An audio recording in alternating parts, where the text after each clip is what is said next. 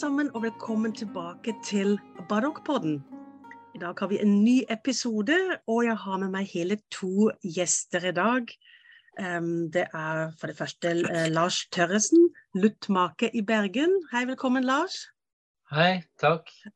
Mm. Og så har jeg med meg Jadran Dankamp, som er en um, luttspiller, luttennist og gitarist. Um, jeg har med meg ham også fra Oslo. Hei, Jadran. Hallo. Hei, hei. Hei.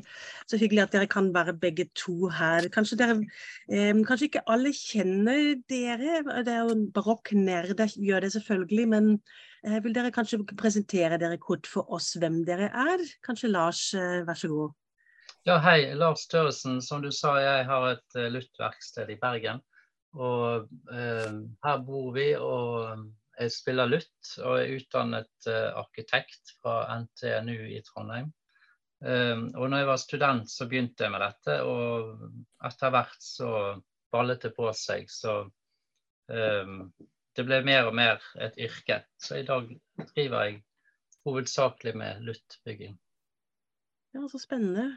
Det skal vi høre litt mer om etter hvert. Og Jadran, det er mange som kjenner deg, men en liten oppsummering. Hvem er du? Ja, hei, jeg er Yadran Dankam. Som er, jeg er lutenist og gitarist. Uh, bor i Oslo og spiller fast med Barokkaneren, og ofte også med andre norskbaserte ensembler som Oslo Circles. Og også mye i utlandet, både som sololutenist og, og continuo-spiller. Uh, og underviser i Milano. Mm, ja, spennende.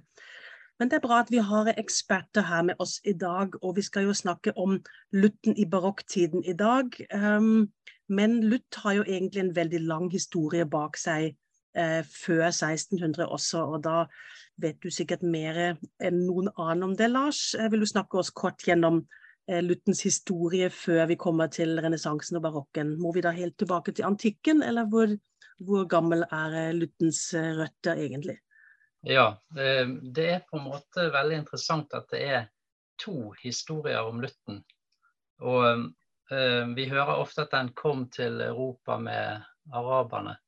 Hvis vi skal gå og se hva forstår denne Lutten helt riktig, så er det veldig interessant at den har en mytisk historie og en fysisk eller organologisk historie. Eh, og disse tar litt ulike veier. Eh, det, den, eh, de er på en måte uatskillelige. Altså Fra gresk mytologi så har man kitarer og lyre. Strengeinstrumenter som for renessansemennesket hadde den samme rollen og kraft som lutt.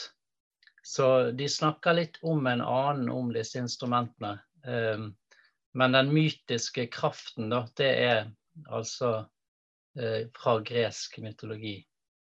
Mm. Og hvis vi skal gå mer inn på det, så har vi en kilde fra 1700-tallet som er veldig interessant. Ernst Gottlieb Baron, en komponist, luttspiller og også eh, forfatter. Da. Han eh, snakker i sin, skriver i sin bok om myten eh, om eh, et skilpaddeskall ved Nilens bredd en såkalt testudo. Uh, mm. Og eh, det ble um, opphavet til, til denne lyren. da. Man kunne spille på dette skilpaddeskallet, sier myten. Og Lutten ble på en, tidspunkt også kalt testudo i Europa. Det er veldig interessant. Um, så Lutten var det fremste, viktigste instrumentet i renessansen. Ehm, og videre helt opp til og med 18. århundre. Eh, mm. Og da er vi inne på Ernst Gottlieb Baron sin egen tid. da. Og ehm, den posisjonen som Lutten hadde hos eh, humanistene og renessansemenneskene, ehm, den hadde gjerne ikke hatt den posisjonen uten hjelp fra de greske mytene om eh, Apollon, Orfeus og Arion. Mm. Um, så det er den mytiske historien. Og den organologiske, den er også ganske lang. Så uh, jeg kan jo gå lenger inn på det. Uh, jeg sa jo at uh, de kom Altså araberne brakte denne med seg, og de hadde jo den fra um, fra før sin tid. Um, um, så vi ser hvor de hadde den fra. Om det var asyrere og sånt? Som ja, Afghanistan tror jeg opprinnelig de hadde den fra. Men altså, den hadde en veldig viktig rolle i arabisk kultur. Mm. Um, og de tok den med Altså like viktig som lyren var for grekerne. Ja, uh, og mm. de tok den til Sicilia. Der har vi veldig tidlig maleri fra 1140 i, uh, i Palermo uh, mm. av en lutt, en luttspiller. Og til Spania, som kanskje er den mest kjente versjonen. Da. Altså at uh, de tok den til uh, Analusia. Uh, 700, ca. 700. 713 så har man de første kildene derfra. Mm. Så um, Ja, og så var jo veiene mange videre i Europa. Sant? Det var både korsfarer har noen snakket om det er litt mer tvilsomt hvordan uh, Lutten kom med korsfarerne tilbake til Europa. Men, men uh, eh, 1300-tallet, da, da, vet man på en måte ganske mye om hvordan Lutten har utbredt seg i Europa. Uh, så da har vi jo um, utbredelse i Italia og Tyskland, og den overtar um, um, Lyrens, altså Lyren sin plass i humanistisk poesi. Eh, med, med, Apollon, og, og, Apollon spilte for um, synger og, og, og, synger for å få kontakt med Evredike, dødsriket. Altså, og mm. dyrene som samler seg rundt uh, Unnskyld, Orpheus. Um, ja, nemlig. Orpheus gjør det, ja. Mm. Ja, disse mytene. Eh, så Lutten på en måte tar mer og mer lyrens plass. da, ja. Eh, men i hvert fall når vi kommer til 1400-tallet, eller år 1400, eh, så i de tysktalende områdene så er lutten et av de viktigste instrumentene, musikkinstrumentene. Mm. Og i Frankrike så var den mest brukt blant poeter. Og i England så var de opptatt av lutten fordi at den ble brukt ved hoffet. Så det er på en måte bildet der, da. Ja. Mm, det er veldig sammensatt og en veldig lang, interessant reise den har jo bak seg. så det er jo eh, Men Jadran, du vet litt mer også om renessansen. Da var jo eh, Luth, som Lars sa, et, hovedinstrument, kanskje instrumentenes dronning. Og vi har veldig mye eh, notematerial fra nettopp den tiden. Er det hvem er da de viktigste komponistene fra, i renessansetiden for Luth? Er det noen som peker seg veldig ut der? Ja, det er, altså, som, som, Lars sier, så var det, så var det humanistene som um, Det var humanistenes favorittinstrument. og Det var noe med at den kunne uh, Som Lars sier, den, altså den, denne tilknytningen til mytologi var, og antikken som var da så, så veldig viktig i renessansen. Og det at man kunne ha at man kunne spille fullstendig musikk på ett instrument, som både kunne synge og fargelegge melodier og spille flere melodier samtidig. Og det var ingen andre instrumenter som kunne gjøre det. Så derfor så var den veldig, veldig viktig i renessansen. Og ja, de viktigste lutspillerne er kanskje Altså den mest kjente er Francesco da Milano, kanskje, fra Italia. Men så har du Neusiedler, hele Neusiedler-familien i Tyskland. Og, og etter hvert så spredte den seg også til, til England, hvor kanskje den mest kjente lutenisten av alle levde. og Det var John Dowland, som var ja, på kanten av renessansen og barokken. Mm. Men um, ja, som, som, du sier også, så var de altså no, når, det, når, vi snakker om notemateriale, så er nesten all instrumental notemateriale som overlever fram til oss i dag. Uh, alt, fra, foran, alt som før 1600, nesten alt er forlutt, faktisk. Og de første uh, trykte musikkbøkene var uh, ja, enten for, sang, for, sangere eller for lutt. Så det var, det var virkelig det var pianoen, pia, Den hadde pianoens rolle, egentlig, på, som, som, den hadde da på 1800-tallet. Så lutten var like viktig på på 1400- og 1500-tallet i, i, i, hele Europa, egentlig. Ja, det er interessant. Men Lars, vil du kanskje beskrive for oss det kanskje mange vet omtrent hva en lutt er, men vil du forklare oss litt hvordan en lutt egentlig ser ut? Litt sånn om eh, hva slags tre bruker man, og det er jo mange forskjellige varianter av en lutt også. Det finnes kanskje ikke bare en lutt, men eh, hva slags tre bruker man f.eks., og hvor mange strenger har den? Det er jo Jeg tror det er veldig, veldig mange typer òg. Ja, det er en stor uh, instrumentfamilie. Uh, og, og i, i, hovedsak så er jo lutt uh, som det arabiske ordet al-od beskriver, laget av tre. I motsetning til skinn, som gjerne var resonansmateriale på de tidligste instrumentene. Men den har denne karakteristiske pære- eller halve pæreformen. sant?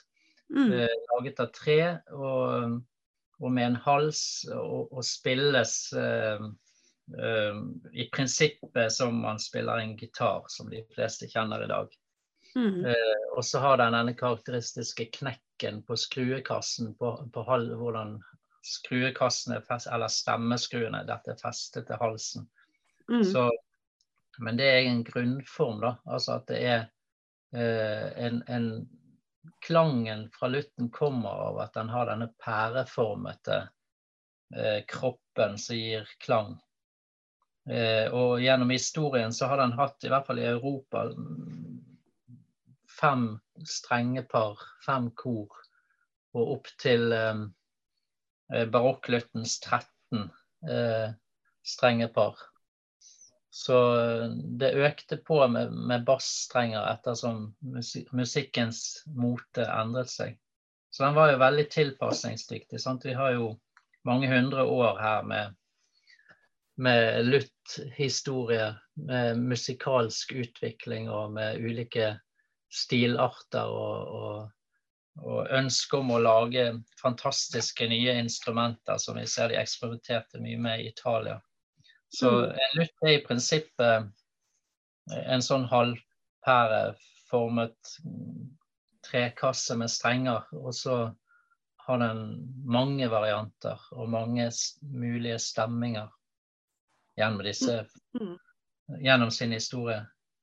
Ja, jeg tenkte akkurat den, den, knekken, hvor kommer det egentlig fra? For jeg som fiolinist, vi har jo også stemmeskrue og hvordan kommer den knekken inn i bildet? Hvorfor trenger man den knekken for, eh, ja, for strengen? Det er vel ingen som kan gi noe sånn veldig tydelig svar på det. Jeg har sett alt fra at det tar mindre plass når man sitter musikere rundt et bord og spiller, til at um, det kan være noen akustiske grunner til det. Altså, det er en veldig fin akustisk konstruksjon å ha denne skruekassen som stabiliserer enden av halsen. Mm. Selv om det ser rart ut, så, så er det veldig, en veldig fin måte å gjøre det på. Ja, det er veldig karakteristisk, så det er ikke, ikke så rart. Men jeg bare tenkte om det var en Det måtte være en spesiell eh, grunn til det. Eh, men ja, Jadran, du snakket jo om John Dowland allerede, som var eh, Fordi etter hvert ble jo et viktig sentrum for Luth ble jo England. Um, Fins det egentlig en engelsk stil for luttspill, og de andre landene også sånn eh, Tyskland, Frankrike, Italia osv. Eh, Spania kanskje. Er det, Fins det egne nasjonale stiler egentlig der? Så det var um, På den instansen så var det det var faktisk overraskende mye reising og kommunikasjon mellom disse stedene som det var veldig vanskelig å komme fram til. Så du ser, um, du ser manuskripter fra fra England i, Eller musikk fra England i Italia og musikk fra Spania i Tyskland og Italia. Altså, men altså, så det var faktisk ikke så store forskjell som man kanskje hadde ville forventet. Uh, så vi har um, ja, vi har, Kanskje den store forskjellen for, eksempel for Spania er at de etter hvert så ble blutten forbudt. Og de måtte bygge et annet instrument som er som het Viuella. Og det var rett og slett fordi den minte om araberne. Så da hadde vi så da lagde vi et annet instrument som er stemt, stemt helt likt som lutten, men som hadde en flatt bakside. Og heller ikke den knekken, uh, fordi araberne var ikke så populære der etter hvert. Og da, og da, det, så da har vi Viuella-musikk da i Spania, men den kan godt spilles på lutt også. Det, kjennetegnet er at den er veldig Altså det, den der uh, kontrapunktet og ja, lerstemmigheten. Og etter hvert da så begynte de også å eksperimentere med andre sånne slags tokater eller lichikarer. Så veldig mange av disse barokkstykkene som vi som, som, vi kjenner som tokater og sonater. og Veldig mange av disse ble faktisk um, uh, pionert av luttspillere, ikke bare i, altså, over hele Europa. Og Når vi snakker om mm. England, særlig England, da, så er uh, ja, engelskmennene hadde en um, de, de, var, de, de, kjørte inn uh, musikere særlig fra Italia. Fordi England var litt sånn på utkanten og heller ikke noe særlig viktig land på 1500-tallet. Men de hadde ambisjoner. Så de, de, betalte de beste spillerne å komme og spille ja, i London, i, på hoffet der. Og da, etter hvert så ble det utviklet en, en sånn viktig luttkultur, som du sier. Og mm. det, det, som er gøy, er siden vi ikke noen sånn særlig, særlig, sterke tradisjoner, så ble det så ble de, de tok litt av det beste fra alt. Så de fikk en um, de, de, fikk en slags blanding av veldig intellektuell musikk og veldig veldig jordnær og folkelig samtidig. Så, det, så Dowland f.eks. er et veldig godt eksempel av dette, fordi han har um, altså det, det, er både f.eks. Lakrimé, som jeg nettopp spilte inn med lutten til Lars Terresen. Den er, eh, det, det, er kanskje hans mest kjente samling, som da mm. prøver å I godt humanistisk uh, stil så prøver han da å skildre de forskjellige, forskjellige tårene som man kan ha. Så man har uh, de antikke tårene, de eldste. Og så har du, har du de nye tårene. Man har de um, uh, kakte, som er ja, hva er det på norsk? Faust. Faust tears på engelsk.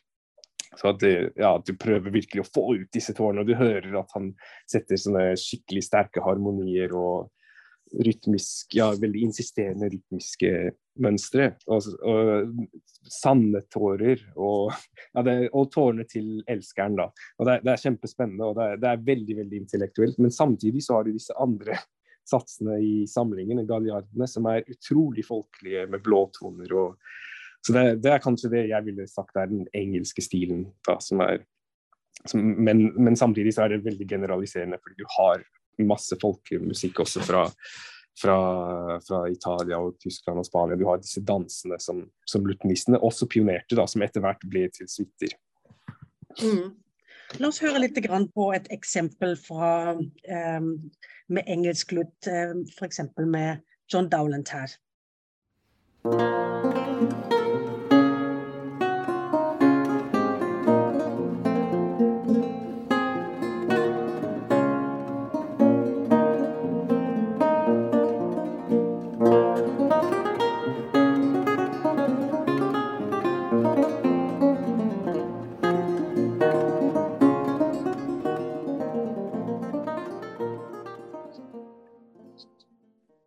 Lars, hva var egentlig de viktigste sentrene for bygging av lutt? Um, det er jo, jeg skjønte, jeg som er tysk, har sett at det var et, et, av de viktige sentrene har jeg skjønt det var faktisk i Tyskland, i Fussen. Dette er ikke så langt fra hvor jeg kommer fra, derfor vet jeg litt om det. Men det fantes sikkert flere andre i Europa også. Kan du fortelle oss litt om det? Ja, det, det, det er interessant med Fyssen. Altså, for det, de som bygget lutter i Fyssen, de dro jo ut eh, i verden. Og veldig mange dro til Italia. Så det var på en måte et arnested eller en start for et håndverk som var etter hvert utrolig spesialisert. Eh, både med, og, og, de bygget jo alle instrumenter. Strykeinstrumenter, lutter, harper og, og gitteren og, og, disse her små gitarene og, og alt mulig. Så mm. Instrumentbyggekunsten var, var, ikke delt inn enda i stryke på ene siden og kneppeinstrumenter på andre siden. Men eh, mange dro til, eh, til eh, Venezia, eh, Nord-Italia, ned til Roma, Napoli, Genoa. Noen dro østover til Paris og Lyon. Og, og de har også, det har også spredt seg. altså jeg har en oversikt over Fyssen instrumentmakerkunsten. da, At de spredte seg også østover. Til Wien og Leipzig, lenger nord, mm. Lübeck. Så de, de spredte seg over hele Europa. Eh, og du vet kanskje mer enn meg, Astrid, om hvorfor, men jeg tror det hadde med 30-årskrigen å gjøre, og også kanskje at det hadde med jødeforfølgelse å gjøre. At uh, Hvis vi ser på navnene til disse instrumentmakerne, så har de ofte uh, jødiske navn. Og, um, okay, ja. mm. og Tiffenbrukka, det, det, er jo et stedsnavn, sant? men du har, du har um, um, ja, du har navn som du kan spore rundt i Europa. Men, mm. men, i hvert fall de viktigste stedene Vi vet jo egentlig Vi har jo lett for å bedømme historien ut ifra hva vi har igjen av Luther. Hva som vi har i museum. Sant? Og det er jo mm. bare et veldig lite utvalg. Så, og, og, og, forskningen kan jo sikkert si mer ved å gå til primære kilder i kirkebøker og rettsdokumenter og sånt. Mm. Der har skjedd veldig mye de siste årene. Når jeg begynte med luttbygging, så var det veldig få kilder. Og det var noen få publikasjoner, Galpin Society Journal bl.a. og Early Music. Eh, men i dag så har du også tilgang til masse forskning som er gjort de siste 30 årene. Eh, så vi vet jo mye mer. Men, Eh, ja, så blir også bibliotekene digitalisert, at man har tilgang også ja. til veldig mye material fra veldig mange steder nå. Ja, men det var spesielt noen familier, da, Tiffenbrucker. Uh, de dro til Venezia og, og, og andre steder i, i Nord-Italia, Padua bl.a.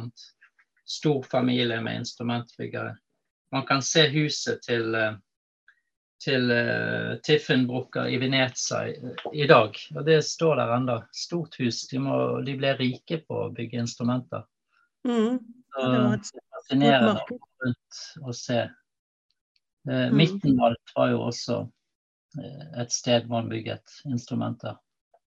Ja, det er, Mittenwald er stor for fiolin, og det er ganske i nærheten av Fussen også. Det er samme, samme område der også. Um, men det var sikkert at de inspirerte hverandre, også luttmakere og lutenister. Altså at de eh, lutenistene um, Ja, jeg skjønte at de etter hvert prøvde egentlig å utvide um, ja, amplituden, eller hva sier man, the range av strenger. At man prøvde å kunne spille enda høyere opp og enda lavere. At man prøvde hele tiden å utvide um, ja, området å spille på.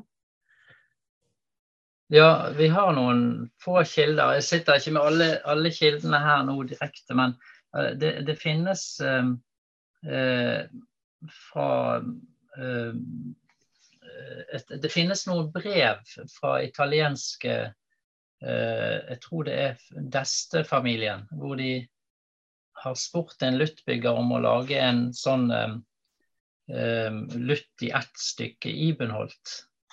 Og de får til svar at det er for sprøtt og vanskelig å bearbeide til en sånn uh, uthult type luft. Ja. Uh, men foreslår en annen konstruksjonsmetode. Men man ser at de hadde noen ønsker, og, og man har noen få kilder på dette. Og når det gjelder utvidelse, det var materialer og på en måte stil, byggestil, og det handlet om. Men når det gjelder eh, f.eks. basstrengene, så har man jo også en del kilder og, og brev og sånt som beskriver da eh, hvordan teorben ble til, f.eks. Den, den store eh, basslutten som ble utvidet med en ekstra hals. Og det var et sånt bryllup i 1580 ca. i Italia. Mm. Og de ville ha en større, en større lydstyrke i bassen. Eh, for å understøtte en sånn ny type sang, ikke sant? monodien, hvor, hvor teksten og, og, og, monodien var viktig. Og du måtte ja, ha en stødig bass mm. under. Ja. Så det vet vi om. Og, um, og, ja, de eksperimenterte jo mye. Man har jo masse rare instrumenter i museer som, som har løst dette med bass på, på forskjellige måter. Ja, Mm. Men Jadran, vi må snakke litt også om tabulatur. Dette er jo et spesielt kapittel her. Um, Lutt-tabulatur finnes det jo i forskjellige varianter i mange land. Hva er dette egentlig, og hvem brukte det? Og vil du snakke oss litt gjennom tabulatur på en kort måte? Ja, uh, selvfølgelig. Uh, så ja, tabulatur egentlig er en Når det gjelder luttinstrumenter i hvert fall, så er det virkelig bare et kart av av halsen på lutten og hvor du skal sette fingrene. Så det er forskjellige måter å skrive det ned. Så vi, vi har tre, tre typer luttablatur. Så den ene er den, um, den franske, den tyske og, og den spanske. Da. Og, og, også den italienske. Så fire, beklager. og de er um, så det, kanskje I dag så er den tyske den som de færreste av luttenistene kan lese, fordi den er den mest kompliserte. Så den bruker en um, ja, jeg kan heller ikke lese det, må jeg si. Så det er en Kanskje Lars kan dette bedre, men den, den bruker en, flere symboler da, som, um, som, viser både grep eller mønstre på hånda og hvor du skal sette. Så det, den er, men den bruker veldig mye mindre plass ofte, så det, den har helt sikkert praktiske fordeler. Det er veldig mange veldig fine stykker i tysk tablatur, da, fordi Tyskland var såpass viktig, særlig på, på 1400-tallet og tidlig på 1500-tallet for luttmusikk. Uh, mm. Ellers så er den italienske, da, den, den, bruker tall. Og der har du seks strenger, som var den, den tidligste renessanselutten. Så du har disse seks strengene som ligner litt på notepartitur, bare at det er seks linjer, ikke fem. Og, du får, mm. um, og hver streng er en, en hver linje er en luttstreng, da. Og hver nummer tilhører da et bånd på instrumentet. Så i, og det, forskjellen mellom f.eks. For italiensk og spansk tablatur, er, som begge to bruker tall, er at den italienske skildrer um, Luthens hals fra, fra en tredjepersons perspektiv, mens den spanske da skildrer det fra, fra lutenistens eget perspektiv. Så det er på en måte speilvendt. Eller de var ikke speilvendt, men omvendt. Så okay. øverste streng på italiensk tablatur er laveste på, eller nederste på spansk. Og og fransk, det eneste forskjellen der er at um, den er egentlig som spansk tablatur, bare at de bruker de brukte en bokstaver istedenfor tall. Og den ble også utbredt i Tyskland etter hvert, og i, i, England. Så det var den som dominerte, da, bortsett fra Italia. Så f.eks. Weiss, som var en scenen, eller barokkluttkomponist, det, det, er skrevet på, på, fransk tablatur, selv om han var tysk. Ja, skjønner. Hmm. Nei, men det, interessant. Så det er en, I prinsippet er det en grepetabell. som det ble jo um, kanskje ja. Gitar når noen eh, barn skal lære gitar, så finnes det også grepetabell. Ja, altså, bruker, så da bruker de faktisk det som vi hadde kalt for spansk tablatur. det, ja. Men det som er spennende med tablatur, særlig fordi det er polyfonmusikk ofte, er at det er umulig å vise flere, flere rytmer enn noteverdier samtidig. Så du viser alltid bare den korteste noteverdien. Mm. Og dette blir da så da er det opp til lutenisten selv til å forstå polyfonien og vil, hvor lenge stemmer skal vare, eller individuelle noter skal vare. Og dette ble også veldig inspirerende da, for etter hvert for de franske barokklutenistene, som da stemte om Lutten og søkte Istedenfor å tenke på en sånn fler, flerstemmig musikk, så tenkte de mer på farger. og og da blir det brukt da, blir, ja, da, da, er det virkelig intuitivt hvor lenge man skal la hver streng eller hver note klinge. Så det, det er, Tablatur har flere fordeler, faktisk. Også fordi etter hvert som Lutten, Luttens stemming blir mer og, mer og, mer komplisert, så var det flere måter å spille samme tone på. Så du ser også f.eks. i tysk musikk, f.eks. i Bachs tid, at vi, vi, får ekstremt mye informasjon om opp, um, om uh, spillepraksis fra tablatur, fordi den inneholder på mange måter veldig mye mer informasjon enn vanlig notepartitur. Mm. Ja, det er interessant. Det er litt sånn som eh, Bieber også, som brukte mye skådaturer. Der får man også egentlig veldig mye informasjon, fordi man ser endelig hvor eh, Man får egentlig beskjed hvordan man skal gripe, ikke hvordan det skal låte. Ja, mm. ja, så det er interessant. Um, men Lars, eh, luttmaker er jo et ganske spesielt yrke å ha. Det er vel ikke eh, så veldig mange av i Norge? Eller hvor mange finnes det i Norge eller i Europa? Du noe, vet du noe tall om dette? Det er vanskelig å, å, å si noe eksakt. Uh, for det, jeg tror det, det, er mange flere enn de som er registrert f.eks. i Lut Society eller i tyske Lut-selskapet. Mm. Uh, men i Norge så, så, er det jeg som bygger Lut. Og så vet jeg om andre som har bygget én Lut. Mm. Eller kanskje to. sant? Ja. Sånn for å ha noe å spille på. Og så er det jo noen gitarbyggere som har laget en og annen lutt i Norge. Um, og barokkgitar vet jeg om to andre enn meg som lager en og annen barokkgitar ved siden av gitarer. Da.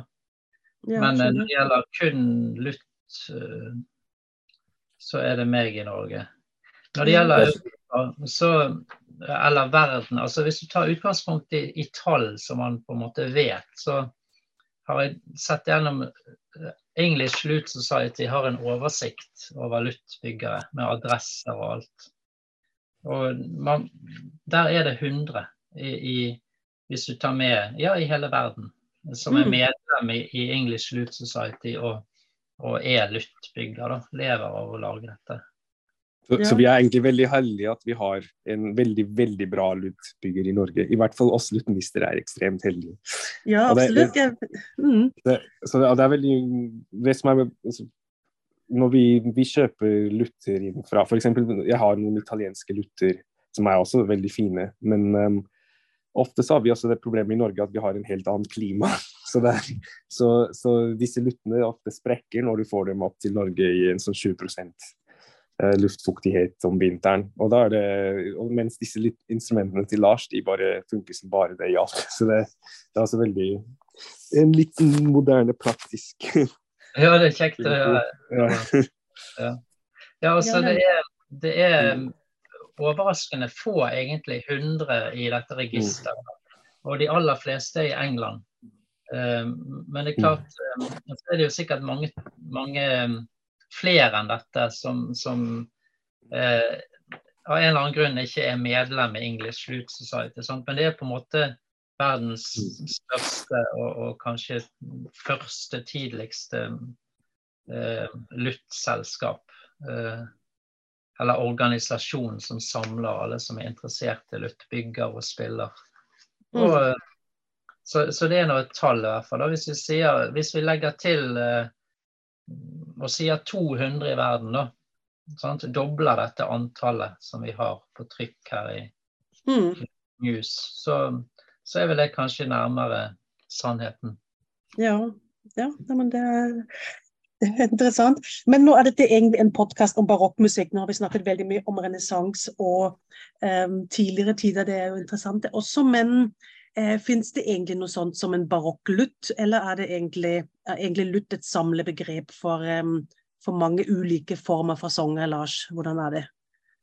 Ja, det der er veldig interessant. For uh, i dette mylderet av instrumenter, så blir det egentlig musikken som, er, som, som kan gi oss svaret på dette. Uh, for det at um, uh, en lutt, la oss si Frankrike i, i, i 1640, det var ofte en gammel lutt fra Bologna som var bygget om. Så den var jo da flere hundre år gammel allerede. Eh, eller mm. hundre år gammel. Eh, og den hadde fått kanskje et nytt lokk, eller i hvert fall en ny hals og veldig mye flere strenger.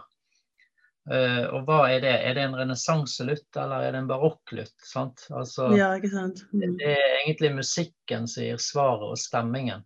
Så, eh, men vi har jo grovt sett på en måte på Luthens nye, nye tid, da, siden 1950-tallet ca., så har vi hatt et slags behov for å forenkle synet på Lutten og sier renessanselutt, ja, den er stemt på den måten, og det er frem til 1600. Og etter 1600 så har vi barokklutt, og den er som oftest stemt i en åpen d-moll-akkord. Så Det er det grove bildet.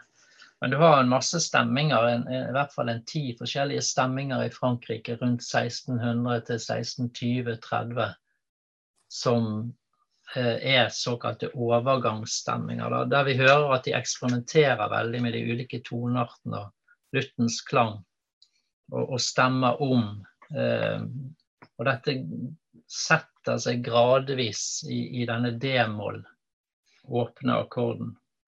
Mm. Som er denne d-moll-akkorden er også veldig, veldig forskjellig fra renessansestemningen og stemmingen til alle andre luteinstrumenter og gitar, for, for, den saks skyld. Så det, det, det, var ganske, måtte sikkert veldig mye eksperimentering til for å komme fram til den. og mye, Man må lære alle grep på nytt, fordi den er stemt i, i da små, store tersjer og en kvart.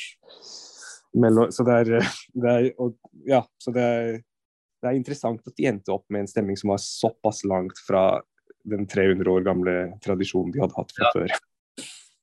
Mm. Og, og, og de klinger så helt annerledes òg. sant. mm. Eh, det blir som et nytt instrument. Det blir en ny verden som åpner seg bare du stemmer om. og Det synes jeg er veldig interessant. Men det finnes faktisk barokklutter som vi med rette kan si at det er en, en lutt helt og holdent skapt i, i barokk, den barokke ånd. Med, hvor bassen er fundamentet. altså Bassen er så viktig for, for musikken, og hvordan den beveger seg hurtig sakte opp og ned. Og, og, det er jo en luft som da ville være bygget f.eks. av, av um, Tilke i Hamburg eller av Hoffmann. Um, jeg tror det var Leipzig, hvis jeg ikke husker helt mm. feil. Men man holdt til lenger syd, det var far og sønn.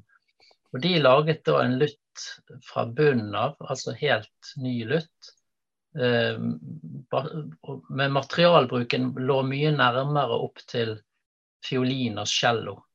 Så det var mer lønn og, og gran og, og litt uh, Ibenholt, stort sett. Kanskje mm. litt i stemmeskruene. Men, men, poenget er at de laget en lutt som har en helt annen konstruksjon.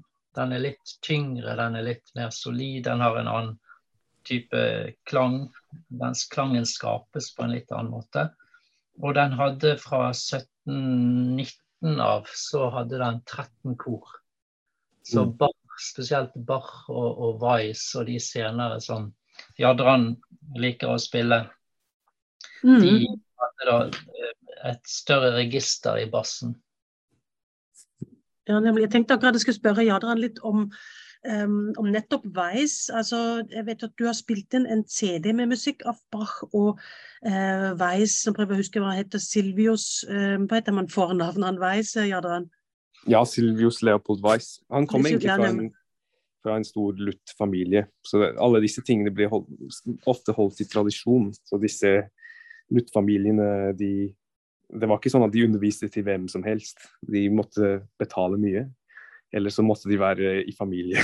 Så det, ja, det, var, det var noe med barok, barokkens Disse hoffene da, som da ville ville beholde de, de, disse kjente musikerne, da, og ikke dele dem med mange andre. og Det er altså noe med lutten å gjøre, da, som, som, da ikke har den sterkeste klangen. Så hvis du blir invitert til en luttkonsert i et viktig europeisk hoff, da var du virkelig en viktig person. Da var det ikke mange andre som fikk høre. Mm. Så, ja, så hele Weiss-familien var hadde spilt for forskjellige hoff. da, og eh, Weiss, Silvius Leopold Weiss han endte opp i Dresden og ble, ble den best betalte musikeren, faktisk. Han tjente mer enn kapellmesteren i Dresden. Selv om, uh, selv om han egentlig levde i en tid hvor Lutten var virkelig i nedgang i Europa. Så Dresden var på en måte en liten oase sammen med Vienna. Der, der, det fantes en annen veldig bra lutnist som het eh, Francesco Bartolomeo Conti. Og etter ja, lite infosnupp, så et, etter at Conti døde, så så ville Wien ha en viktig liten liste. Da, da dro, spurte de Silvius Leopold Weiss om de kunne doble hans um, stipend i Dresden, og kom, hvis han skulle komme da spille for dem istedenfor. Men han sa nei av en eller annen grunn. Kanskje fordi han hadde en veldig godt utgangspunkt i Dresden og fikk, fikk egentlig veldig mye av det han ville, tror jeg. Mm. Men er Weiss da, musikken til Weiss en av de siste store høydepunktene innen Luth-repertoaret? For det, det tok jo slutt etter hvert også med, med Luth-instrumentene, eller med etterspørselen etter Luth? Ja, altså det, det, var færre og færre som spilte, så vi får ikke mange trykk av Vi, vi har noe vi ser fra Breitkopf, um, Breitkopfs katalog, at det blir trukket trykket um, luttmusikk fortsatt, men blir, du ser at det blir mindre og mindre. Det har noe med stilen å gjøre også. at um, altså Lutten prøvde å holde, holde med moten, men, men ved, at de la på ekstra strenger. og Det ble, gjorde egentlig at Lutten blir vanskeligere og vanskeligere å spille på mange måter. og men problemet er at vi ser altså når, når vi kommer til den galante stilen, og særlig wienerklassisismen, så, så, er det en veldig rask bassgang ofte. Uh, som ikke passer lutten i det hele tatt, fordi bass spilles nesten, nesten bare av tommelen. Da, mm. Så det, den klarte ikke å holde, holde med, med, med, moten lenger. Og den var heller ikke Etter hvert så ble det mer og mer fokus på sterke instrumenter, og at man kunne spille for flere, mange. og det var det, ja, det, alt som alt som Alle luttens kvaliteter var ikke De ble ikke så satt, eh, så satt pris på lenger. Men bort, uansett, i Wien faktisk så ble den spilt, og også i Dresden så ble den spilt helt fram til 1800-tallet. Så Mozart har skrevet en kadens på lutt. Og vi har egentlig veld, veldig virtuose konserter fra Habsburg-hoffet for lutt fra 1780-tallet til og med. Så det er ikke sånn at den døde bare plutselig etter Den, den den fantes fortsatt. Og sønnen til Weiss han spilte for Carl Maria von Weber i Dresden i 1812, tror jeg. Så det var, det var Ja, den, den, har en lengre historie enn det vi, vi tror. Mm. Ja, det var interessant. Ja, men jeg tror vi må eh, til å avslutte må vi høre et eksempel hvor Jadran spiller eh, litt av, um, av musikken av, av Weiss, som jeg liker, har begynt å like også veldig godt. Og så vil jeg gjerne takke dere, Lars Tørresen og Jan Dankam, for å, at dere var med meg i dag i podkasten Barokkpodden. Så um, kan jeg også uh, vise til at um, Jordan og Lars har til sammen laget en veldig fyldig spilleliste uh, på Spotify med luttmusikk som dere da også kan sjekke ut. Der er det mye, det er de favorittene til disse to som er samlet. Så da kan dere kose dere i timevis med masse flott luttmusikk. Men da hører vi litt veis, og så sier jeg takk til Jadan og Lars. Hyggelig at dere var med meg i dag. Tusen takk for at vi kunne være med. Takk. Mm. Ha det bra. Ha det.